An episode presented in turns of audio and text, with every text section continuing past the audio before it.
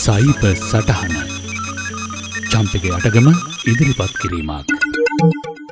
අද අපි සයිබ සටහනෙන් කතා කරන්නට යන්නේ ඉතාමත් කාලෝචිත මාතෘකාවක්. දරුවෙක් විවිධ ඉලෙක්ට්‍රෝනික මාධ්‍ය හරහා අන්තර්ජාලය ගත කරන කාලය කොපමන විය යුතුද. සෞඛ්‍යසේවේ විද්වතුන් මේ සඳහා ඉදිරිපත් කළ ජාතික මට්ටමින් පිළිගත් වාර්තාවක් ඇසුරෙන් තමා අද මම ඔබට මේ දත්ත ඉදිරිපත් කරන්නේ. මුලින්ම කියන්න ඕනේ මේ දත්ත ඇත්තරම ඔබ බොහෝ විට විමතියට පත් කරාවි කියලා මට සහතිකයි. දරුවාගේ වයස් කාණ්ඩ තුනක් අනුව මේ ජාලගත කාලේ ඔන්ලයින් ටයිම් එමන්නත්නම් ස්ක්‍රීන් ටයිම් ඔවුන් රෙකමදාරු කරනවා. ඒ දත්ත ඉදිරිපත්කන්ට කලින් මෙම ජාලගත කාලේ දරුවෙකුට කරන බලපෑම කෙටියෙන් හරි තේරුම් ගන්න ඕනේ මෙයට ප්‍රවේශයක් විදියට. ස්මාර්ට් දුරකතනයක් හෝ බොහොවිට ටැබ්ලට් එකක් දෙස ඇස් ලංකරගෙන එහිම ඇලී කාලය ගත කන දරුවන් බොහෝම සුලබ දසුනක්. බොහොවිට ඔන්ලයින් ගේම්ස් මිතුරන් සමඟ චැට් පනිවිට හෝමාරුව ගීත ඇසීම වීඩියෝ නැරඹීම සමජ්ජාල ඇප් පරහා විනෝදාසයද ලැබීම අදී විවිධ කාර්යන් සඳහා ඔවුන් මෙසේ ඉලෙක්ට්‍රොනික උපාංගවලට ආකර්ශණය වෙනවා. ඔබිතා හොඳින් නිරීක්ෂණය කොරොත් ඔවුන්මින් දෑස් ඉවතට ගන්නේ එක්කෝ එම උපකරණයේ බැටරිය අවසන් වීමෙන් ඒ ක්‍රියාවිර්තවීම නිසා එම නැත්නම් වැඩිහිටිය කෙවුන්ගෙන් ඉවතට ගැනීම නිසා. ඒ සමගම අපි බොහෝ විට යොමු වෙලා ඉන්නවා දරුවන් නිහඬ කර ගැනීමට හෝ ඔවුන් මොහොතකට හෝ අපේ අවධානයෙන් ඈත් කර ගැනීමට ඔවුන් අතට මෙවැන්නක් ලබාදීමට. එය අතට ගත් සැනින් දරුවා යම් ඉන්ද්‍රජාලයකින් මෙන් පටගින්න කම්මැලිකම කායික වේදනවාදිය සියල් අමතක කරලා තමන්ගේම ලෝකයක් වෙතට තටු ලබනවා. දුරගමනාන්තයක් වෙත වාහනයක අද්දී හෝ සාදවල වැඩිහිටියන් අල්ලාප සල්ලාපේ යෙදෙද්දී. මෙලෙසින් පැත්තකට වී විද්‍යුතුපාංගයක් වටා රංචුවක් ලෙස වටවී හෝ තනි තනිව ඇස් ආසන්නයටම ගත් තිරයක් වෙත දැහැන් ගත වී සිටින දරුවන් අපි නිතර දකිනවා. සමහර දරුවන්ට කෑම කවන්න පවා දෙමාපියන් ඔවුන් අතට මෙවැනි උපකරණයක් ලබාදීම අපි බොහෝවිට දකින දසුනා. දරුවන් මෙලෙසින් මෙම උපකරණවලට ඇලෙන්නේ ඇයි. පර්ේෂණවලින් ඔප්පු කරලා තියෙනවා මෙවැනි ක්‍රියාකාරකම් වෙද්දී ළමා වැඩිහිටි ඕනෑම මොලයක ඩෝපමින් කියන රසායනික නිෂ්පාදනය වෙනවා කියලා.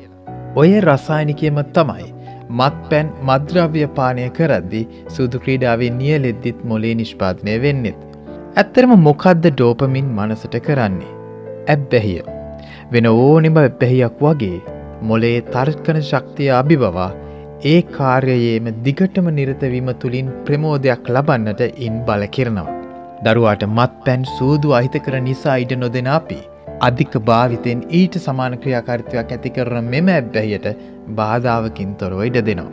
නමුත් කෙනෙකුට තර්ක කරන්න පුළුවන් එලෙසෙන් ඇබ්බැහෙවී වැඩිකාලයක් මෙම උපාංග සමග අන්තර්ජාලයේ ජාලගතවීම හරහා ඇත්තර මෙතරම් හානියක් වෙන්න පුළුවන්ද කියලා. විශේෂෙන්ම මත් පැන් සහ සූදුව සමඟ මෙය සංසන්ධනාත්මකව පැවසීම නිසා. මේ තේරුම් ගැනීම වැදගත් මෙහි අවධානම ගැන නිසි තක්සේරුවකට එන්න. ඒ සඳහා අපි බලමු ඇබ්බැහියකට ලක්වෙන දරුවෙකුගේ මානසික සහ කායික සෞඛ්‍යයට එය කරන බලපෑම්. මේ ආරම්භ වෙන්නේ සමහර ඇප් හෝ ගේම්ස්වල්ට ගතකන කාලය කෙමෙන් කෙමෙන් වැඩි කරගන්න පුරුදුවීමෙන්. බොහෝ විට ඒ වෙත සෑහෙන ආසක්ත භාවයකින් එමන්නැත්නම් ඔබ්සෙෂන් එකක් දරුව ඇති කරගන්නවා. පරිගණකයෙන් හෝ අන්තර්ජාලයෙන් ඈත්තු සිටින වෙලාවෙල්ලදී නොයිවසිල්ල හෝ එවැනි උපංගයක් සමඟ සිටින විට එය ඉවතට ගැනීමේදි කෝප ගැනීම දරුවාගේ ඇබ්බෙහිය ගැන යම් කිසිංගයක් ඔබට දෙනවා ඇත.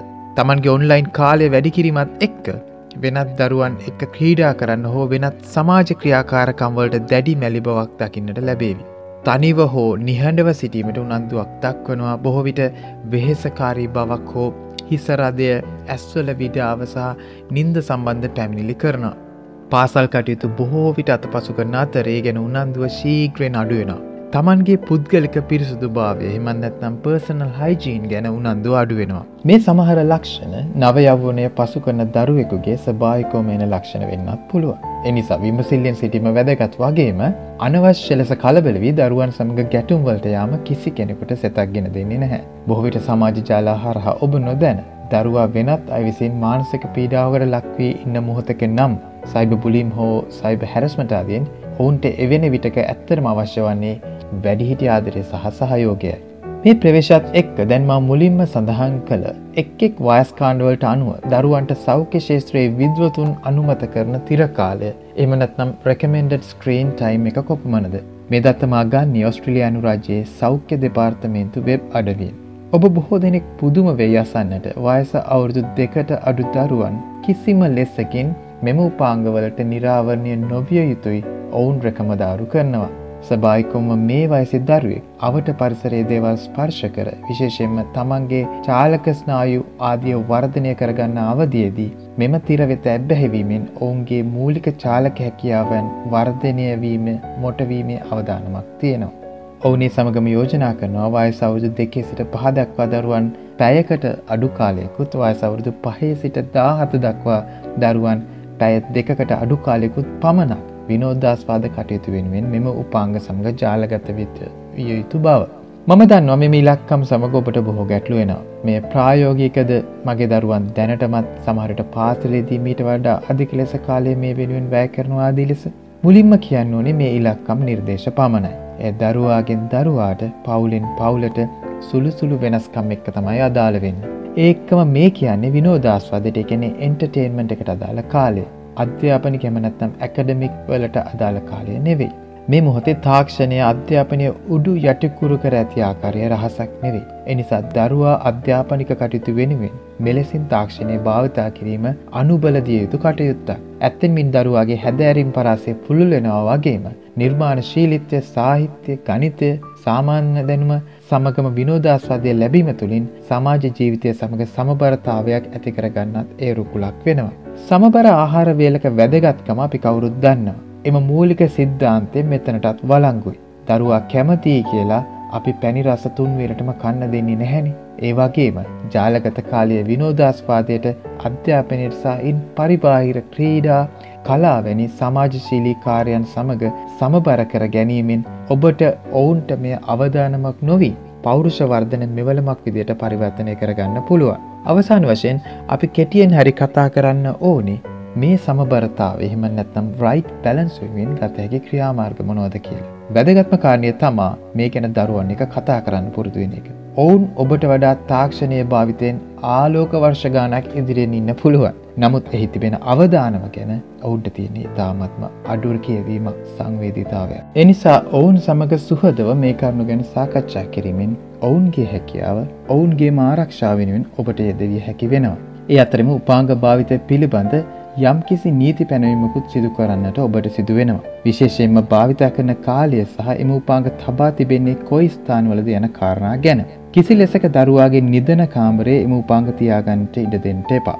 මුළු නිවසේම උපකරන රාත්‍රී කාලයේ පොදු එකම ස්ථානයක තියන්නට හුරු කරවන්න.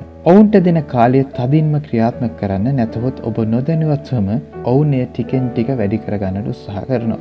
ඒකම ඉලෙක්ට්‍රෝනික භාවිතයෙන් තොර පවුල වේලාවක් ක්‍රියාත්මක කරන්න. එයට ඔබත් අනුගත වන්න. දරුවන්ට ජංගමතුර කතන භාවිතය තහනම් කර ඔබ ඒ මොහොතේ එවැනි උපාංගයක් භාවිතා කළහොත් ඒ දරුවන්ට වැරදි ආදර්ශනයක් ගෙන දෙන භවිතා පැහැදිලි. සියලු අධ්‍යාපනික වැඩ සංගීත හෝ වෙනත් කාර්ය සියල්ල අවසන් කර පසු ඔවුන්ට ඔවුන්ගේ ජාලගත කාලය ලබා දීමාදී ක්‍රියාමාර්ග මගින් මේ සම්වර්තාවය ඔවුන්ටත් ඔවුන්ගේ දෛනික දිනචරියාවේ පුරුද්දක් බවට පත් කරගන්නට පුළුවන්. කිසිම දරුවෙක් පවුලක් එක වගේ නැහැ. එනිසා අවසාන වශයෙන් මේ සියල්ල තමන්ගේ දරුවාට අනුගත වෙන ආකාරය තීරණය කළ යුත්තේ ඔබයි. නමුත් ඒ වෙනුවෙන් කිසියම් හරවත්යමක් එකතු කරන්නටයි අද දවසේ අපි උත්සාහ කරේ. අද ඔබට සයිබ සටහන ගෙනා මම චම්පක යටගම්. Thank you.